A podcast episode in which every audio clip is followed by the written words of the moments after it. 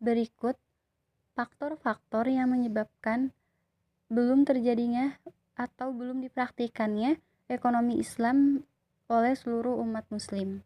Yang pertama itu, sebagian besar masyarakat muslim belum tahu arti dan makna ekonomi Islam secara mendalam.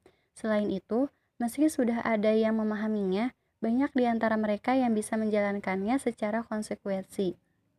Yang kedua, kurangnya keyakinan masyarakat mengenai keberhasilan penerapan prinsip ekonomi Islam, serta masyarakat muslim saat ini masih memperhitungkan perihal laba atau rugi yang bersifat keduniawi.